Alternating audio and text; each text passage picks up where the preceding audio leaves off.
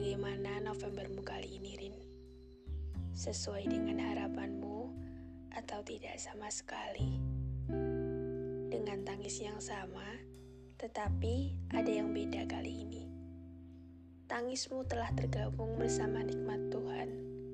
Tetesan-tetesan itu telah tergabung sekarang dan membuatmu makin mengerti bahwasannya anak kecil yang ada di dalam tubuhmu harus meninggalkan cangkangnya dan mengukir cangkangnya sendiri.